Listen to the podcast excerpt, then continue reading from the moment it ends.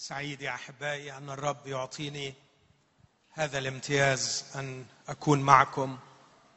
استمتع بتسبيح الرب استمتع بمشاهدة وجوهكم التي بلا شك تعزي كل من يحب المسيح. وأيضا لكي أفتح قلبي معكم لكلمة الرب.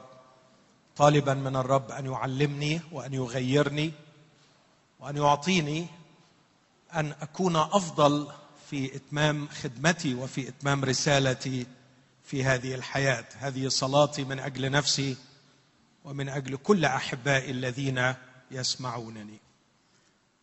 على قلبي رسالة في هذا المساء أضعها تحت هذا العنوان من أين انطلق الرصاص؟ من أين انطلق الرصاص؟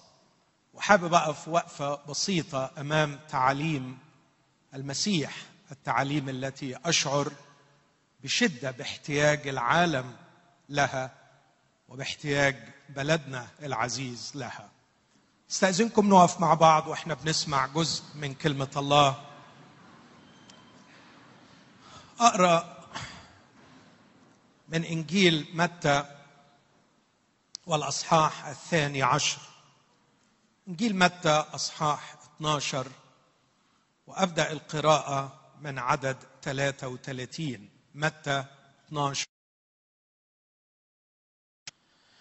يقول المعلم اجعلوا الشجرة جيدة وثمرها جيدا أو اجعلوا الشجره ردية وثمرها رديا لأن من الثمر تعرف الشجرة. يا أولاد الأفاعي كيف تقدرون أن تتكلموا بالصالحات وأنتم أشرار؟ فإنه من فضلة القلب يتكلم الفم. الإنسان الصالح من الكنز الصالح في القلب يخرج الصالحات والإنسان الشرير من الكنز الشرير يخرج الشرور. ولكن أقول لكم إن كل كلمة بطالة يتكلم بها الناس سوف يعطون عنها حسابا يوم الدين. لأنك بكلامك تتبرر وبكلامك تدان. من نفس الإنجيل أقرأ من الأصحاح الخامس عشر. إنجيل متى أصحاح 15 حينئذ جاء إلى يسوع كتبة وفريسيون الذين من أورشليم قائلين. لماذا يتعدى تلاميذك تقليد الشيوخ؟ فإنهم لا يغسلون أيديهم حينما يأكلون خبزا. فأجاب وقال لهم وأنتم أيضا. لماذا تتعدون وصية الله؟ بسبب تقليدكم. فإن الله أوصى قائلا أكرم أباك وأمك ومن يشتم ابا أو اما فليمت موتا. وأما أنتم فتقولون من قال لأبيه أو أمه قربان هو الذي تنتفع به مني فلا يكرم أباه أو أمه. فقد أبطلتم وصية الله بسبب تقليدكم. يا مراؤون. يا مراؤون حسنا تنبأ عنكم إشعياء قائلا يقترب إلي هذا الشعب بفمه ويكرمني بشفتيه وأما قلبه فمبتعد عني بعيدا وباطلا يعبدونني وهم يعلمون تعاليم هي وصايا الناس. ثم دعا الجمع وقال لهم اسمعوا وافهموا ليس ما يدخل الفم ينجس الإنسان بل ما يخرج من الفم هذا ينجس الإنسان. حينئذ تقدم تلاميذه وقالوا له أتعلم أن الفريسيين لما سمعوا القول نفروا؟ فأجاب وقال كل غرس لم يغرسه أبي السماوي يقلع. اتركوهم هم عميان قادة عميان. وإن كان أعمى يقود أعمى يسقطان كلاهما في حفرة. فأجاب بطرس وقال له فسر لنا هذا المثل. فقال يسوع هل أنتم أيضا حتى الآن غير فاهمين؟ ألا تفهمون بعد أن كل ما يدخل الفم يمضي إلى الجوف ويندفع إلى المخرج وأما ما يخرج من الفم فمن القلب يصدر وذاك ينجس الإنسان. لأن من القلب تخرج أفكار شريرة قتل زنا فسق سرقة. شهادة زور تجديف. هذه هي التي تنجس الإنسان. وأما الأكل بأيد غير مغسولة فلا ينجس الإنسان. ثم تأتي بعدها قصة المرأة الكنعانية. اختصارا للوقت أقرأ العبارة الأخيرة في عدد 28 حينئذ أجاب يسوع وقال لها يا امرأة عظيم إيمانك ليكن لك كما تريدين. فشفيت ابنتها من تلك الساعة. هذه هي كلمة الرب. دعونا ونحن وقوف نقدم الشكر للرب من أجلها. ونرجو منه أن يفتح قلوبنا ويسكنها بغنى في أعماقنا. أيها المعلم ما أروعك وما أشد وأعمق احتياجنا إليك وإلى تعليمك. أيها الرب الحبيب يسوع نحن نؤمن أنك حي قمت من الأموات وأنت بيننا الآن. نؤمن أنه يحلو لك أن تجدنا عند قدميك تلاميذ نسمع. وأؤمن أنه يحلو لك أن تأخذ مكانك بيننا كالمعلم. أرجو أيها الرب الحبيب يسوع أن تتحنن علينا فنحن خرافك نحن شعبك وغنم مرعاك نحن نضل ونضيع إذا لم تعلمنا فأرجو أن تشفق علينا وتفتح فاك وتعلمنا.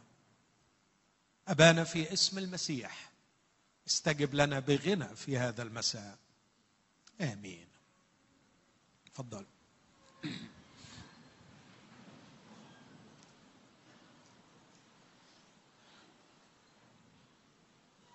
لا شك يا أحبائي أن قلوبنا زاد وجعها زاد وجعها. وجع بعد وجع بعد وجع. ولا ينقطع سيل الأوجاع المستمرة.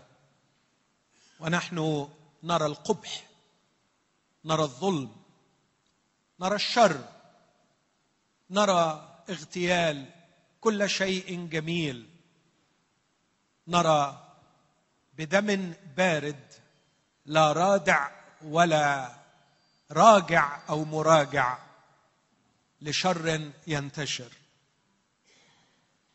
وأنا أحاول أن أتخيل تلك اليد التي ضغطت على الزناد لتصوب رصاصات في رؤوس أطفال أو في قلوب نساء مسالمات. أو هذا الذي يوجه مقود سيارة ليدهس الأبرياء. عندما أرى هذه الشرور أتساءل مع الملايين التي تتساءل حول العالم؟ هذا السؤال من أين انطلق الرصاص؟ هل انطلق من اليد التي ضغطت على الزناد؟ أم انطلق من العقل العقل الذي تحجر وتعطن وتعفن بأفكار حمقاء أفكار غبية؟ ربما زرعت في ذهنه أو ربما تربى عليها؟ هل خرجت الرصاصات من يده؟ أم خرجت اولا من عقله؟ أعتقد أن البحث في العالم كله الآن يدور حول هذا السؤال.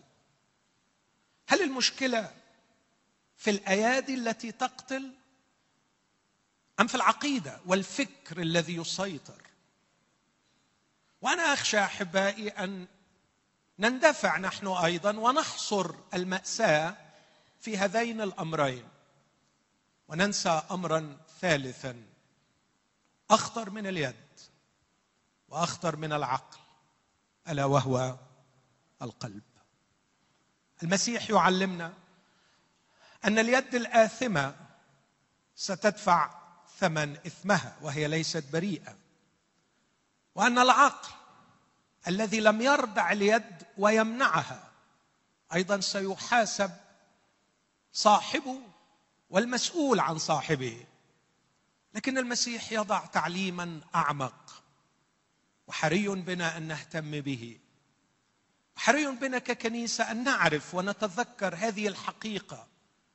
لأني كما سأحاول أن أوضح في غاية الأهمية لنا في هذه الأيام.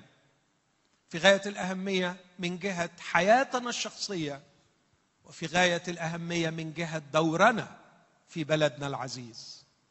نعم إن اليد أثمت ونعم أن العقل فسد لكن قبل اليد وقبل العقل طبقا لتعليم المسيح إن أصل البلاء لا في اليد ولا في العقل لكن في القلب. ويقينا نصلي أن يعطي الرب حكمة للحكام لكي يمنعوا اليد من القتل. ونصلي أن يعطي الرب حكمة للمفكرين لكي ينوروا ينوروا العقول فتستفيق من غيبوبتها. فردع اليد هو عمل الأمن والحاكم كما علمنا الكتاب أن الحاكم هو خادم الله مقام من الله وعليه أن يحمل السيف ولا يحمله عبثا لكن يحمله كما يقول الكتاب في رسالة روميا اصحاح 13 للانتقام من فاعلي الشر. هذا ليس تعليم العهد القديم تعليم العهد الجديد تعليم رسالة روميا رسالة الإنجيل. أن الحكام مقامين من الله ولذلك ينبغي أن نصلي من أجلهم لكي يحملوا السيف. لكي ما يكون هناك ردع. أو بلغة الكتاب لكي يكون هناك انتقام من فاعل الشر.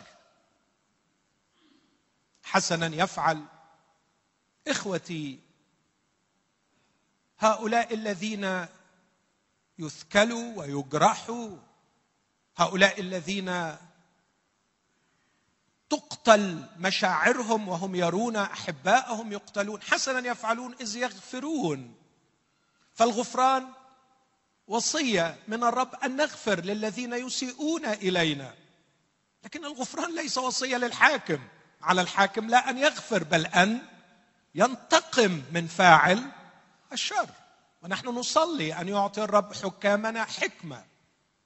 هذا ما اوصتنا به كلمة الله. أطلب اولا وقبل كل شيء أن تقام صلوات وطلبات وتضرعات إلى الله من أجل من أجل الحكام من أجل جميع الذين هم في منصب. اسمع بقية الآية. في تيموساوس الأولى اصحاح اثنين والعدد الأول والثاني. لكي نقضي حياة هادئة مطمئنة في كل تقوى ووقار على أن الكتاب علمنا. أن فوق العالي عاليا يلاحظ والأعلى فوقهما. وطبقا لسفر التكوين والأصحاح التاسع إن كل دم سفك على الحاكم أن يطالب به وإذا لم يطالب به سيطالبه الله به. فدم الإنسان من يد الإنسان الله سوف يطلبه. لذلك ينبغي أن نصلي كثيرا من أجل حكامنا من أجل الأمن من أجل رجال الأمن. علينا أن نتضرع إلى الله باستمرار أن يعطيهم الرب المعونة والحكمة والقوة لكي يردعوا اليد وينتقموا من فاعلي الشر. لكن أيضا علينا أن نصلي من أجل التنوير. علينا أن نصلي بلجاجه من أجل كل شخص مفكر. من أجل كل شخص يخرج خارج الصندوق ويكف عن السير مع القطيع ويجرؤ أن يغرد خارج السرب ويستطيع أن يقول على الخطأ خطأ ويستطيع أن يقول على الأسود أسود على المر مر وعلى الشر شر وعلى الخير خير. نحن نحتاج لمثل هؤلاء. وإني أخجل أن هؤلاء الآن قد صاروا يقدمون تضحيات قد تصل بهم للتضحية بالحياة. أكثر من التضحيات التي نقدمها نحن من أجل خير شعبنا. علينا أن نصلي من أجل كل مفكر يسهم في التنوير لأنه حينما تتحرر العقول من الظلمة ستستطيع العقول المحررة أن تردع الأيادي الآثمة. وتمنعها عن فعل الشر. هذا ما قاله سليمان الحكيم. قال العقل يحفظك والفهم ينصرك. وإذا غاب العقل وغاب الفهم لا حفظ ولا نصره لشعب مسكين. تدكه قوى الظلام وستظل تدكه إن لم يستفق العقل اولا. من نومه الطويل إلا إذا شعر الناس بخطورة الفكر. إلا إذا اقتنعوا أن الأفكار لها نتائج في كل شيء وعليهم أن يعالجوا الأفكار وليس فقط الأفعال. فالأفكار أخطر من الأفعال. لكن عند هذا الحد يقف فعل البشر. وعندما نكتشف أن القضية أعمق من الفعل وأعمق من الفكر. عندئذ سنشعر بمسؤولياتنا إخوتي الأحباء المسيح تكلم أن كل فعل سيجد حسابا في يوم الدين. قرينا النص ده دلوقتي. كل مش كل فعل بس لكن ده كل كلمة بطالة. ويعني إيه بطالة؟ يعني بلا نفع. يا شيء مرعب. سيعطي الناس عنها حسابا في يوم الدين. الفعل سيحاسب. والفكر سيحاسب. لكن المسيح رغم اعترافه وإقراره بأهمية الفعل وأهمية الفكر بيأخذ البشرية لمنطقة تاني وأرجو انه يأخذنا معاه لمنطقة تاني النهارده ويذكرنا بمسيحيتنا وتعليمها الأصيل لئلا ننجرف مع التيارات وننسى رسالتنا. المسيح يقول لنا إن المشكلة الأعمق ليست في اليد ولا في العقل لكنها في القلب. ويا أخوتي الأحباء إذا كان الأمن يستطيع أن يمنع الفعل والمفكرين يغيروا العقل لكن من الذي يستطيع أن يغير القلب هذه معجزة روح الله القدوس هو وحده الذي يستطيع أن يغير القلوب. سنظل نصلي من أجل إيقاف الفعل وسنظل نصلي من أجل تجديد الفكر وتغيير العقل لكننا علينا أن نصلي أكثر وأكثر وأكثر. ان يعمل الروح القدس معجزته العظيمة ويغير القلب؟ هل نؤمن بهذا الفكر وهل نؤمن بتعليم المسيح؟ أعتقد إن الآيات اللي قريناها تؤكد هذا الأمر. علشان كده مجرد أنهض بالتذكر. لكي نتذكر أهمية القلب وبالتالي نقدر نشوف على نهاية الوعظة دي مطلوب مني أنا أعمل إيه؟ من جهة نفسي من جهة كنيستي وأيضا مطلوب مني أعمل إيه من جهة بلدي؟ الرب يسوع في هذين الجزئين التقى مرتين بالفريسيين والفريسيين هم سلفي اليهود قديما المتمسكين المتطرفين بقشور الديانة اليهودية ونسوا تعليم الله من خلال نبيه موسى. في أصحاح 12 كان المسيح يفاجأ وكان المسيح يصدم بكم الرياء والخداع والشر. فلأول مرة نرى المسيح يتكلم كلمات عنيفة إذ يقول لهم يا أولاد الأفاعي. وكلمة أولاد الأفاعي معناها نفس المعنى اللي قاله لهم في يوحنا 8 أنتم من أب هو إبليس. لقد رضعتم فحيح كلماتكم يحمل سمات ابيكم فانتم من اب واحد هو ابليس وشهوات ابيكم تريد ان تعملوا ذاك كان قتال للناس منذ البدء فعندما يقول يا أولاد الأفاعي إنه يحاول أن يلفت نظرهم إلى مصدرهم ومصدر أفكارهم لكن كان المسيح اعتراضه على كيف تقدرون أن تتكلموا بالصالحات وأنتم أشرار؟ ثم يضع القاعدة. إنه من فضلة القلب يتكلم الفم. الإنسان الصالح لماذا صار صالحا ولما أقول إنسان صالح يعني بقي صالح في أفعاله صالح في أفكاره صالح في مشاعره. وده شيء رائع نسعى جميعا إليه. كيف تغير هذا الإنسان؟ وصار انسانا صالحا. المسيح يجيب ويقول إن الإنسان الصالح بقي صالح لأنه بقي عنده كنز صالح موجود فين؟ في قلبه. لقد تغير القلب. لقد تغير القلب. إنه عبث ما بعده عبث. أن تحاول أن تضبط الخارج.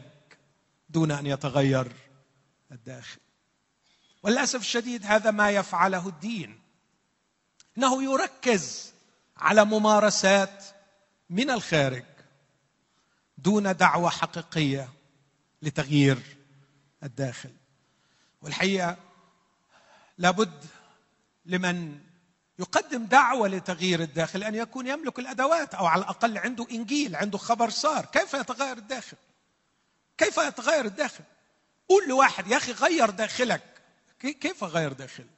كيف أقدر أغير داخلي؟ المسيحية والمسيح يعلم أن الإنسان عاجز كل العجز عن أن يغير داخله. لكن المسيحية تقدم هذا الخبر الرائع عملية عظمى سماها الرسول بولس وهو يشرح لليهود هذه الحقيقة إن اليهودي في الظاهر ليس يهوديا. والختان في اللحم ليس ختانا لكن ختان القلب بالروح. الذي مدحو من الله وليس من الناس. إن الإنسان الصالح هو صالح لأنه حدثت له معجزة تغيير كبرى. لم يجرها له مفكر أو فيلسوف أو طبيب. لكن اجراها له روح الله. عندما ختن له قلبه العنيد قطع شيئا وخلق شيئا. روح الله يلده من الماء ومن الروح فيصبح انسانا جديدا. لديه قلب جديد يخرج الصالحات. علشان كده المسيح قدم لهذا التعليم بالقول اجعلوا الشجرة جيدة وثمرها جيدا. إنه عبث أن تحاول أن تجني ثمرا جيدا من شجرة رديئة. كفاية تضيع وقت. كفاية تضيع وقت. إن القلب الرديء لن ينتج إلا أفعالا رديه إن القلب الشرير لن يخرج إلا الشرور. فهيا يا كنيسة المسيح شد الهمة وتممي إرسالية رأسك. إن المسيح رأسك حملنا برسالة نصل للناس ونقول إن المشكلة الحقيقية ليست في اليد ولا في العقل لكن المشكلة في القلب. ونحن نحمل خبرا رائعا نحمل انجيلا بشارة مفرحة أن الله في المسيح يسوع بالروح القدس. مستعد أن يجري المعجزة ويغير القلب. يصنع تغييرا حقيقيا في داخل الإنسان. تغيير القلب طبقا لكلام المسيح هو الحل. في إصحاح 15 نفس التصادم مع هؤلاء المتدينين. جم قعدوا معاه ولاحظوا إن التلاميذ بيأكلوا بأيد غير مغسوله ما بيغسلوش إيديهم ما بينظفوش الخارج. وما كانش الوضع ده بيتعمل أو هذه العادة بتعمل كنوع من النظافة الصحية لكن كنظافة طقسية طهارة طقسية. يعني إيه طهارة طقسية؟ يعني اليهودي يظن إنه لما هيغسل إيديه سيكون طاهرا. يا يا ما أسهلها طهارة وما أرخصها طهارة. بقى كده أيها اليهودي فعلا حق عليك القول أيها اليهودي التائه. لست تائها عن أرضك بل تائه عن عقلك. تائه عن الحقيقة وهل تطهير الخارج يجعلك طاهرا؟ هذا ما فضحه المسيح. فضحه المسيح. عندما أتوا إليه لماذا يتعدى تلاميذك تقليد الشيوخ فإنهم لا يغسلون أيديهم حينما يأكلون خبزا؟ رب يسوع. رهيب. قال لهم تلاميذي بتعدوا التقليد أنتم بتتعدوا وصية الله. شوفوا مصيبة مين أكبر. لا تلاميذي في الحقيقة أفخروا بهم أنهم استطاعوا أن يعملوا العقل النقدي. فيرفضوا تقليدا لا معنى له ولا قيمة له ولا يغير داخل الإنسان. لا بالعكس أنا فخور بتلاميذي أنهم يتعدوا التقليد. ليس لأنه تقليد لكن لأنه تقليد خاطئ. لأنه تقليد يوهم صاحبه بأن تطهير الخارج يجعل الإنسان طاهرا. لكن أنتم مصيبتكم مش انكم بتتعدوا تقليد أنتم تتعدون وصية الله. وجاب لهم مثل مرعب في تعديهم لوصية الله خاص بالوصية الرابعة أكرم أباك أو الوصية الخامسة أكرم أباك وأمك. كيف نقضوا وصية الله؟ لكن الرب رجع بعد كده يكشف تفاهة التقليد الذي تتبعوه. وبالمناسبة التقليد هو ميل قلبي عند كل البشر أن نصنع تقاليد وعلينا أن نعمل العقل النقدي لكي نفحص المسلمات والموروثات. دايما بقول لو في حاجة غلط مر عليها ألف سنة الألف سنة ما تخليش الغلط صح. الغلط يعدي عليه ألف سنة ويفضل غلط. ما تجيش تقول لي بس هو كده من ألف سنة. آه هو كده من ألف سنة بس هو غلط وهيفضل غلط. ولو اقتنع به مليار بني آدم برضه هيفضل غلط لأنه غلط. فالمسيح يكشف تفاهة هذا التقليد بهذه الأقوال من المعلم العظيم. يقول دعا الجمع وقال لهم اسمعوا وافهموا. افهموا الله يخليكم افهموا. وكأنه يعني فعلا بيستجديهم إنهم يشغلوا عقله اسمعوا وافهموا.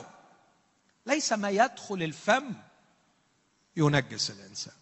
ممكن اللي يدخل الفم يمرض الإنسان. ده موضوع تاني. إحنا مش في حصة طبية هنا. لكن هم بيقولوا اللي بيدخل الفم مش يمرض الإنسان لكن يعمل إيه؟ ينجس الإنسان. يعني ياكل حاجة يبقى نجس. ما ياكلش حاجة بإيه؟ طاهر. يا يا دي رخيصة قوي. دي رخيصة قوي يعني أبقى طاهر أبقى طاهر قدام الله. لأني ما أكلتش. أبقى طاهر قدام الله. لأني ما أكلتش. أو أبقى نجس قدام الله لأني أكلت. المسيح يقول ليس ما يدخل الفم ينجس الإنسان بل ما يخرج من الفم. هذا ينجس الإنسان. أقول يا سيدي تعال وانظر. إنها لم تعد تخرج من فمه فقط تخرج من يده ومن أسنانه. تعال وانظر يا سيد ماذا تفعل الأيادي؟ وماذا تفعل الأسنان؟ تعال يا سيد وانظر ماذا يحدث للمساكين والمظلومين. إنها لم تعد كلمات تخرج لكن أفعال بغضه وشر وقتل. تقدم تلاميذه وقالوا له اشرح لنا الكلام ده. عدد 17 يقول ألا تفهمون بعد أن كل ما يدخل الفم يمضي؟ لكن عدد 18 أما ما يخرج من الفم فمن القلب يصدر وذلك ينجس الإنسان. إن المأساة الكبرى هي في القلب ينجس الإنسان. لأن من القلب هذا تشخيص المسيح. من القلب تخرج أفكار شريرة. وإيه أول حاجة بعد الأفكار الشريرة؟ قتل. أعتقد إنه علي كمسيحي كتلميذ للمسيح وعليك كتلميذ للمسيح. لو اتسألنا السؤال ده النهارده من أين يأتي القتل؟ الإجابة المفروض تكون من القلب. إن القلوب تحوي البغضه والكراهية وهذه هي التي تحتاج إلى المعجزة والتغيير. أفكار شريرة. قتل زنا فسق سرقة شهادة زور تكذيب. واضح إن المسيح كان شايف كل الأفعال دي. بعدين يقول هذه هي التي تنجس الإنسان. وأما الأكل بأيد غير مغسولة فلا ينجس الإنسان. اذا طبقا لتشخيص المسيح أقول باختصار لكي اتقدم إلى خطوة أبعد. أقول وإن كان المسيح لا يهمل دور اليد التي تأثم ودور العقل الذي يخطط ويفكر ويعتنق أفكارا خاطئة لكن الرب يسوع المسيح يقول أن المشكلة الحقيقية ليست في اليد ولا في العقل لكنها في القلب. القلب الشرير. إن قلب الإنسان شرير. وأرجو أحبائي إن إحنا نبدأ نفكر في نفسنا شوية دلوقتي. المسيح لا يتكلم عن قلب اليهود ولا عن قلب أورشليم. المسيح لا يتكلم عن قلب الرومان أو اليونانيين لكن المسيح يتكلم عن قلب من قلوب الناس. من قلوب الناس. تخرج الأفكار الشريرة. وإحنا من ضمن الناس. إحنا من ضمن الناس. يمكن ما عندناش الجرأة نطلق رصاص بس أنا بشوف في البيوت أحيانا في رصاص بيتم تراشقه بس مش بآلي لكن باللسان. وأحيانا بيبقى في طعن من الأمام أو من الخلف. وهو قتل. واحيانا بيكون في زنا. زنا؟ لا لا سمح الله. لا ارجع تاني لتعليم المسيح في متى خمسة. من نظر إلى امرأة ليشتهيها فقد. أسمع. بها فين؟ في قلبه. في قلبه. والقتل. والقتل يبدأ في القلب. بس في واحد ممكن تكون الظروف تسمح له بأن يخرجه من القلب إلى حيز الفعل وفي واحد تاني ما يقدرش يعملها فبيعمل حاجة أقل. لكن في النهاية الرب يرى نفس الفكر نفس الرغبة ويرى نفس الإثم. علشان كده المسيح تاني بيرجع ويقول القلب. سليمان النبي زمان في سفر الأمثال أصحاح أربعة قال فوق كل تحفظ احفظ قلبك لأن منه مخارج الحياة. وإذا يا ابني سمعت كلمتي فاجعلها في وسط قلبك لكي تكون دواء لكل الجسد. إن الكلمة المقدسة ينبغي أن تحفظ في القلب لأنه هو ده المصيبة اللي محتاج إلى علاج. أرجع تاني وأقول كيف نبشر وكيف نكرز وكيف نصرخ ونصلي إلى الله أن يغير القلوب ونحن قلوبنا لم تتغير. أحبائي لا أريد أن ألقي عليكم ثقلا وأنا أعلم كم نحن متألمين جميعا. لكن دعونا نكون أمناء ودعونا نتخذ خطوات حقيقية لإنقاذ هذا البلد. هذا البلد لن ينقذ بإيقاف الفعل ولا حتى صدقوني مع كل احترامي لمحاولات تغيير العقل. لكن الإنقاذ سيأتي عندما يتغير القلب. وهذه المعجزة كما قلت لا يستطيع أن يفعلها حاكم ولا مفكر. هذه المعجزة لا يصنعها إلا روح الله. ولكيما روح الله يهب أو يرف أو يتحرك ويخلق ويجدد ويصنع المعجزة يحتاج إلى كنيسة تصلي وتصرخ. لكن كيف يسمع الله؟ صلاة الكنيسة من جهة تغيير القلب وقلوبنا نحن نفسها لم تتغير. ستصبح عبادتنا وصلواتنا كصلوات اليهود. قال لهم الرب يسوع حسنا تنبأ عنكم إشعياء النبي. هذا الشعب يكرمني بشفتيه.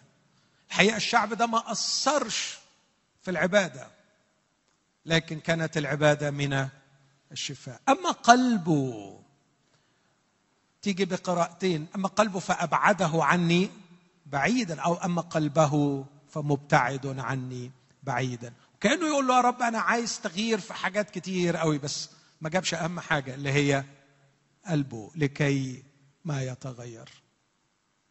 هل نشعر بأن قلوبنا ككنيسة ليست نقية أمام الله كما ينبغي؟ أنا أترك السؤال ده لضمير كل واحد فينا. هل قلوبنا ليست نقية أمام الله؟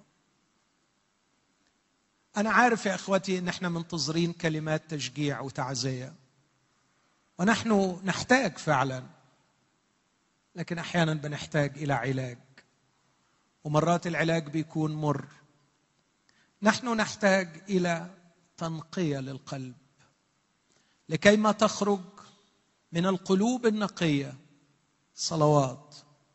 إلى الله من جهة هذا الشعب لكي ما يتحنن الرب ويصنع المعجزة ويغير القلوب الشريرة. الشعب ده تعب وإحنا تعبنا. خلونا أقول من الآخر والحيلة فرغت. الحيلة فرغت. أتخيل ملك إسرائيل في يوم من الأيام صرخت إليه امرأة قالت له خلص يا ملك. خلص يا ملك. كانت إجابته غريبة ومؤلمة. قال لها من أين أخلصك؟ امن البيدر أم من المعصرة؟ يخلصك الرب. ربنا هو اللي هيخلص لكن أنا مش عارف أخلص. لقد فرغت الحيلة وزاد الوجع وأصبح الرجاء فقط في أن يتدخل الرب. يتدخل الرب لا بعمليات أمنية ولا بعمليات فكرية لكن الرب يتدخل بما هو أعمق وأعظم بأن يغير القلب بعملية روحية نشتاق إليها. عندما تولد النفوس ولادة جديدة وتتغير القلوب ويتم ختان القلب بالروح. أسأل سؤال هل ده ممكن يحصل ولا ممكن يحصل؟ يعني ممكن نشوف كده مئات وآلاف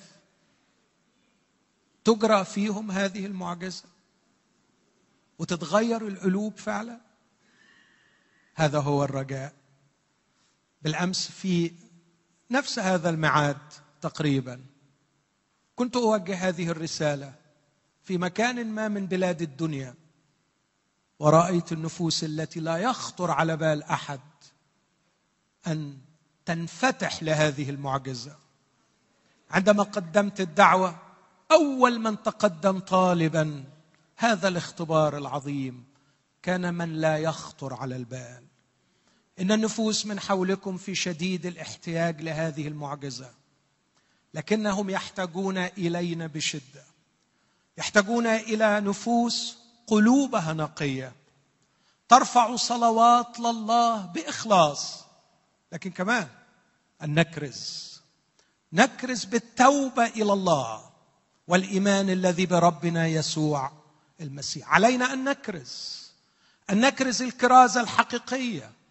كرازة تحمل خبرا مفرحا أن المسيح قادر على أن يغير القلب وأنه لا تغيير للقلب إلا بتوبة حقيقية وصراخ حقيقي إلى الله. لكن أختم حديثي وأقول من هم الذين سيسمع الله صلواتهم ويستجيبها بتغيير قلوبهم أو بتغيير قلوب الآخرين الذين يصلون من أجلهم؟ في إنجيل لوقا أصحاح 18 كان الرب يسوع في تعليمه أيضا السامي والراقي يعطي أمثال ويعطي تعليم لكيما يصحح المفاهيم اليهودية التي جعلت حتى التلاميذ للأسف يتأثروا بها. فقال لهم في إنجيل اصحاح 18 مثلا في أنه ينبغي أن يصلى كل حين ولا يمل. أحيانا بنقراها يصلى في كل حين لا يصلى كل حين ولا يمل. ثم ضرب هذا المثل وده مجرد مثل. كان في مدينة قاضي لا يخاف الله لا يهاب إنسان. وكان في المدينة امرأة أرملة. وكان في المدينة خصم. ظلم هذه المرأة. وذهبت المرأة إلى القاضي. تصرخ. لكنه لم يخلص. مش غريب الوضع ده؟ وقد إيه بشكر سيدي المسيح إنه بيدينا أمثلة من الواقع.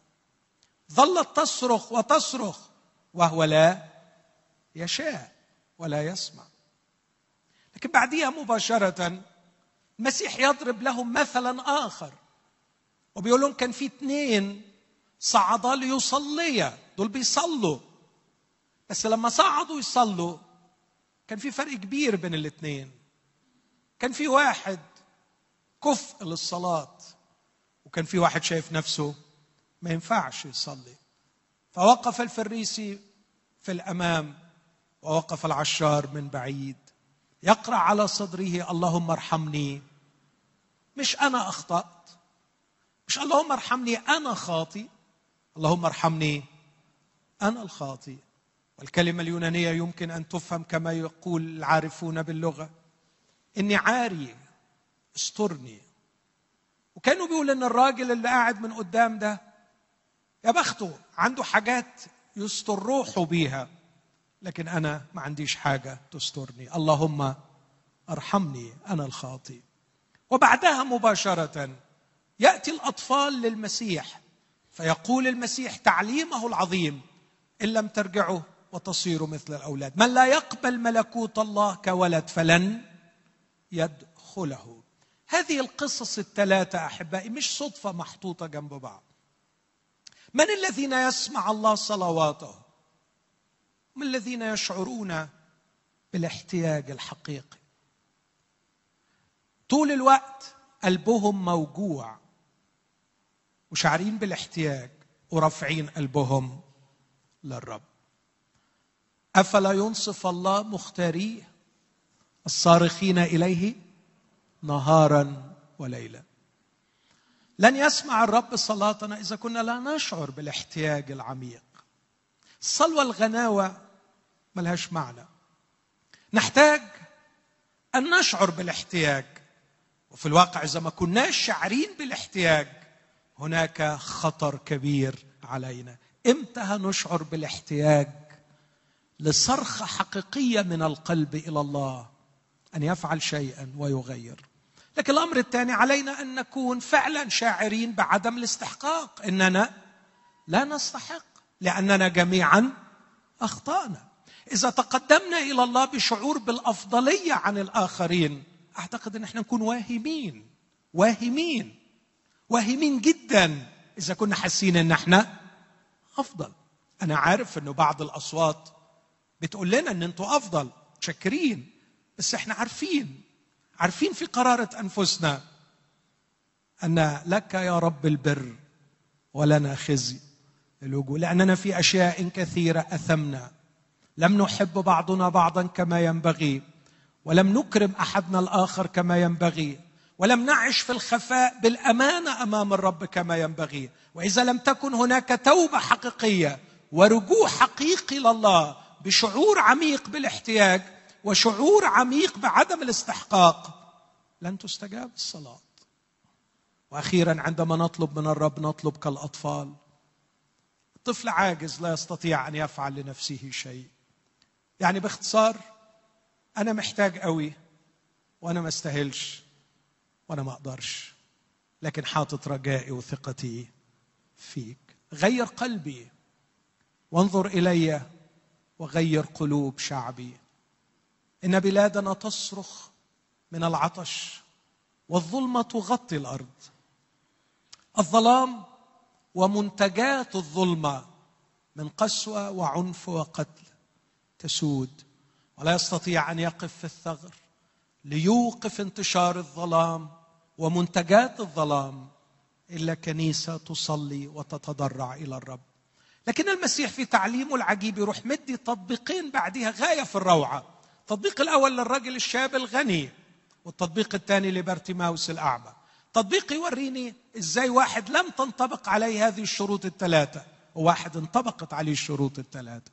يأتي الشاب الغني وهو غني لا يشعر بالاحتياج احتياجه غناوه ماذا أعمل لكي أرث الحياة الأبدية؟ احفظ الوصايا. حفظتها منذ حدثت طب اذهب واعمل. اغتم على القول ومضى حزينا.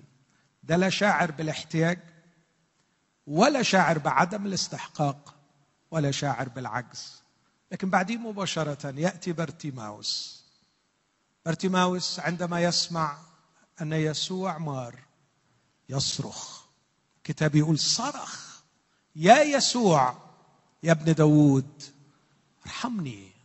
صرخ كالمرأة وقال ارحمني كالعشار. وكان يشعر بالضعف الشديد فلا يستطيع حتى أن يصل إلى يسوع لأنه أعمى ما يقدرش يوصل له فكان يصرخ أكثر فينتهره المتقدمون لكي يسكت فيزداد صراخا حتى وقف يسوع. وطلب أن يقدم إليه. وأجمل كلمة أجمل كلمة ماذا تريد أن أفعل بك؟ يا سيد أن أبصر. اذهب. إيمانك قد شفاك. عرفت تجيبها يا بارتيماوس. عرفت تجيبها يكون لك هذا الاحتياج. أصلي أن يعطينا الرب. ما كانش في قلبي أن أوعظ كتير النهاردة كان نفسي نصلي مع بعض أكتر.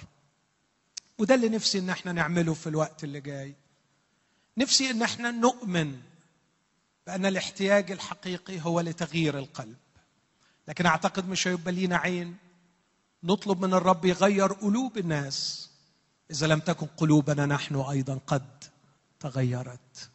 فهنقف مع بعض وهنطلب من الرب أن يختن لنا القلب العنيد أن يغير قلبي.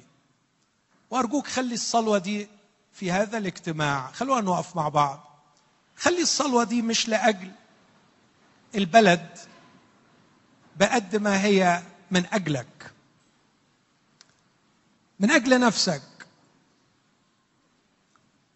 أريد يا رب في هذه الأيام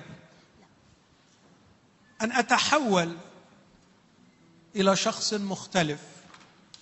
الوقت اللي جاي مهم قوي أنا كان على قلبي اوعظ ربع ساعة ثلث ساعة.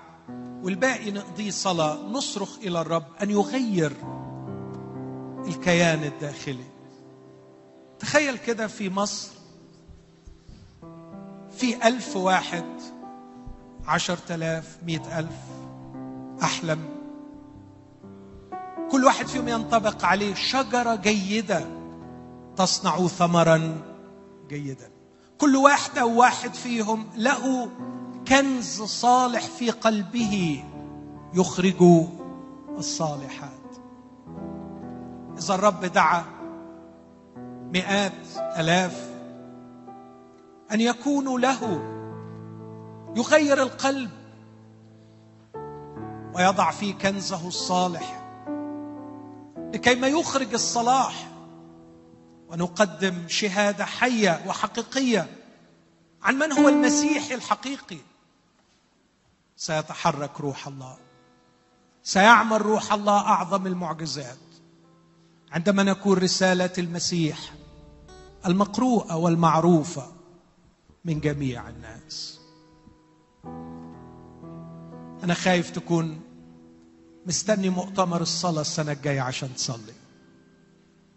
أنا خايف تكون مستني الكنيسة تصلي. لكن أرجوك أشعر إنها مسؤوليتك أنت. أنت. وسط جيرانك وفي مكان شغلك. أنت يا أختي. أنت المصلية. أنت المثمرة. أنت النافع لمن حولك. أنت المنير والمضيء وعندما يشرق نورنا قدام الناس ويروا أعمالنا الحسنة سيسألوننا عن سبب الرجاء الذي فينا بوداعة وخوف. وعندئذ نقدم بشارة الإنجيل أن روح الله يغير القلب. صلي الوقت اللي جاي من أجل نفسك.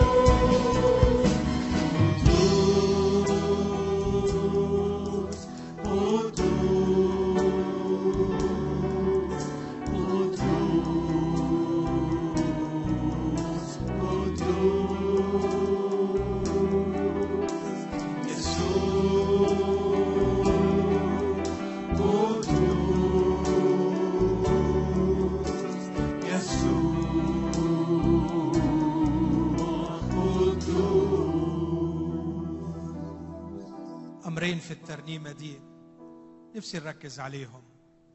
علمني أسمع صوتك. ليه يا رب ليه قلبي غلظ وأذاني ثقلت ولم أعد أسمع همسك. ليه شاعر ان في فاصل بيني وبينك. أنا مشتاق على حبك ومتأكد إنك بتحبني ومتأكد إنك بتقول لي إنك بتحبني. بس ما اخبيش عليك أنا مش سامعك.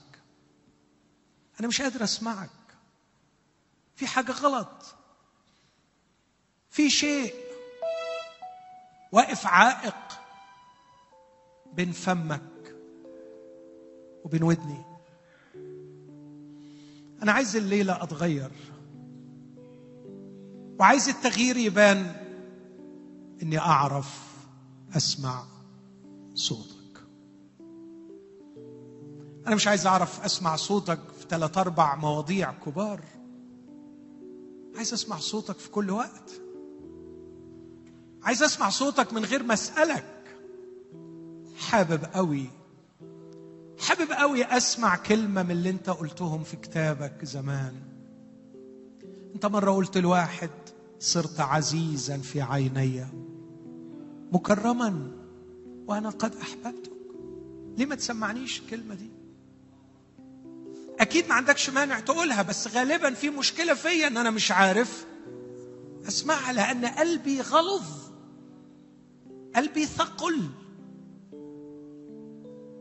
أكيد ما عندكش مانع تقول لي زي ما قلت الجدعون الرب معك. ده أنا خايف. ده أنا خايف قوي من مئة حاجة ومشتاق قوي أسمع الرب معك. لا تخف لأني معك. لا تتلفت لأني إلهك. أنا ما عنديش شك إنك بتقولها. أكيد بتحبني. ما أنا ابنك. وأكيد بتقولها. ليه أنا لسه خايف؟ أنا ما سمعتهاش. أنا في مشكلة في قلبي. في مشكلة في قلبي فعلا. وأنا مش هسمعك بودني دي أنا هسمعك بقلبي.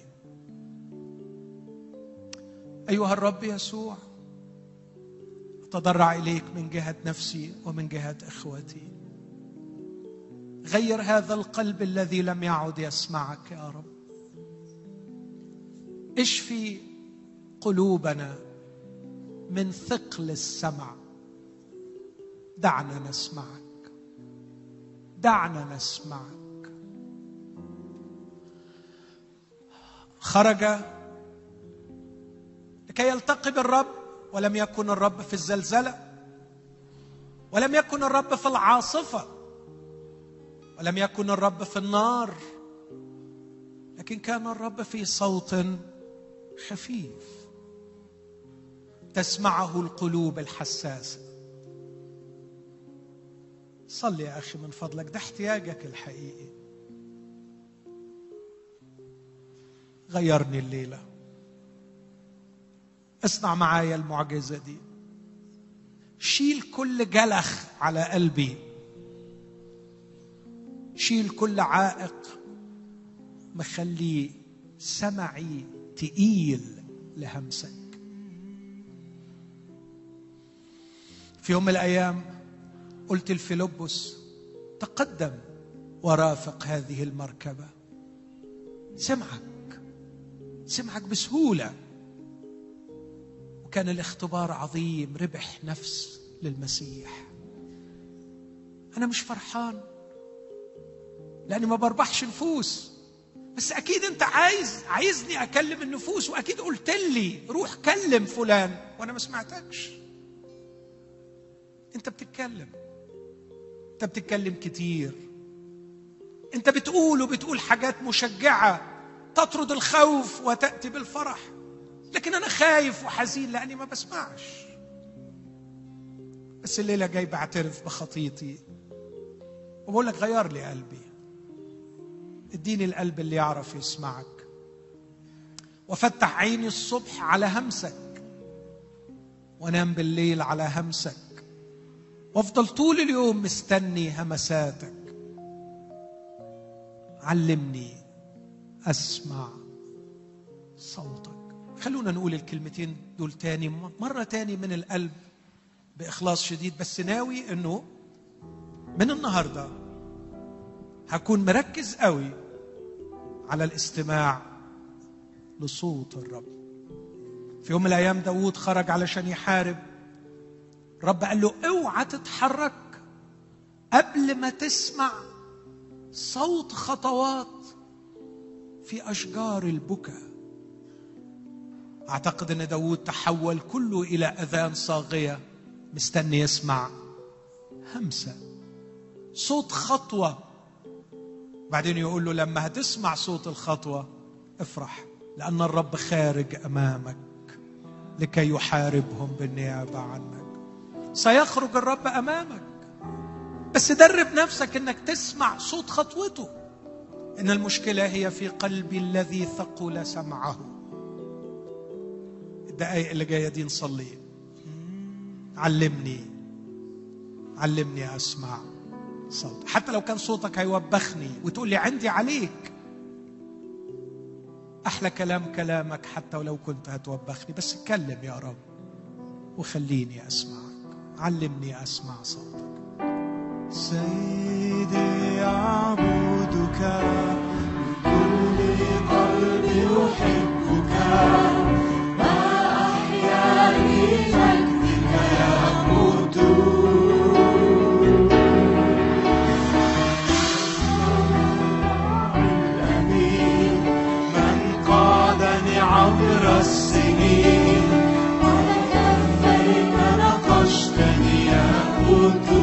علمني أسمع صوتك.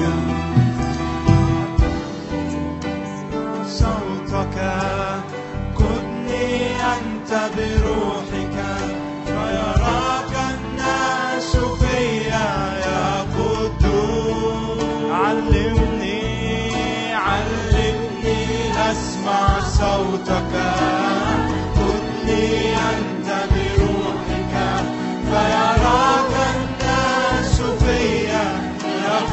مرة تاني مرة تاني علمني علمني أسمع صوتك. قدني أنت بروحك.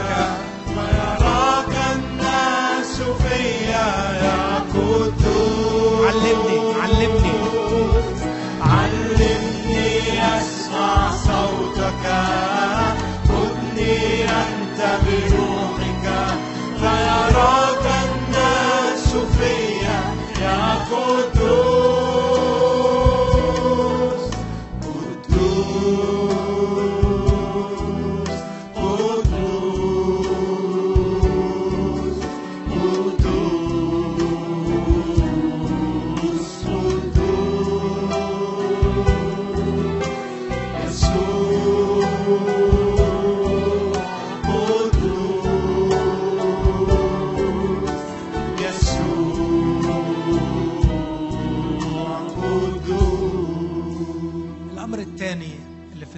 دي اللي بيخليني دايما حابب أرنمها كصلاة مخلصة من القلب.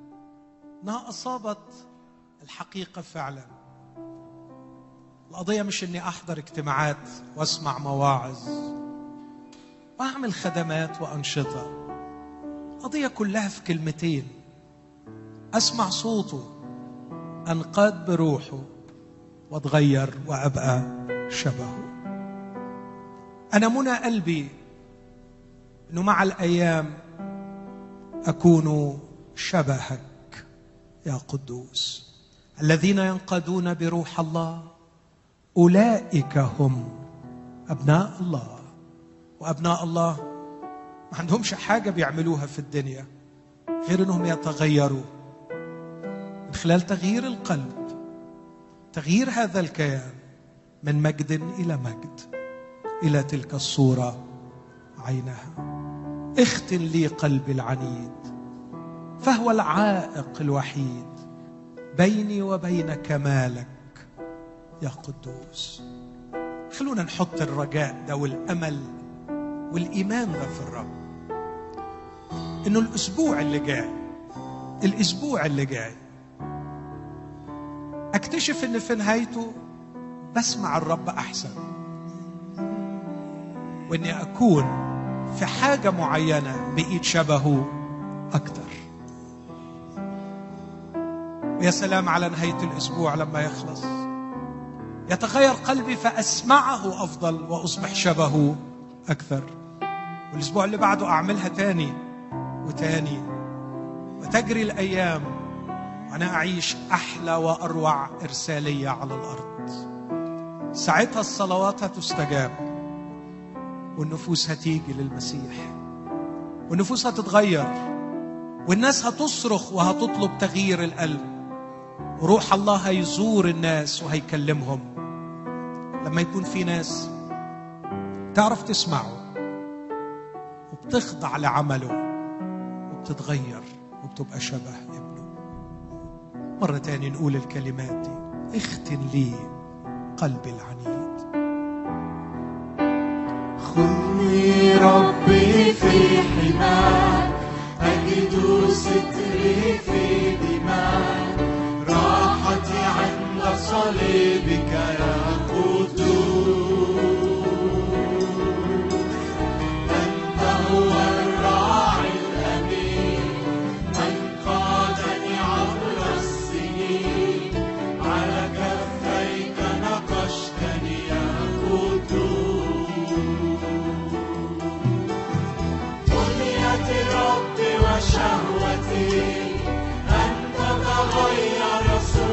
أصرخ أصرخ للرب. أحيا حياتي بشبهك يا قدوس هو ده حلمي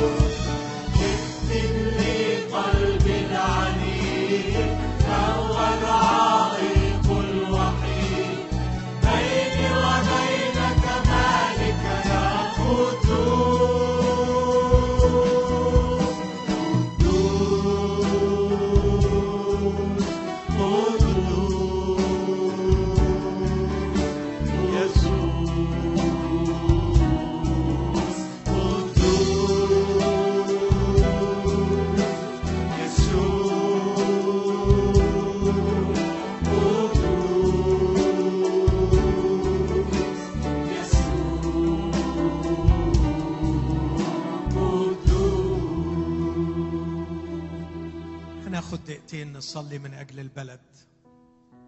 عايزين نرفع صلاتنا. بس بنور جديد النهارده. عايزين الرب يغير قلوب. عايزين روح الله يزور. عايزين قلوب تتفتح. تعترف بخطيتها وشرها وفسادها.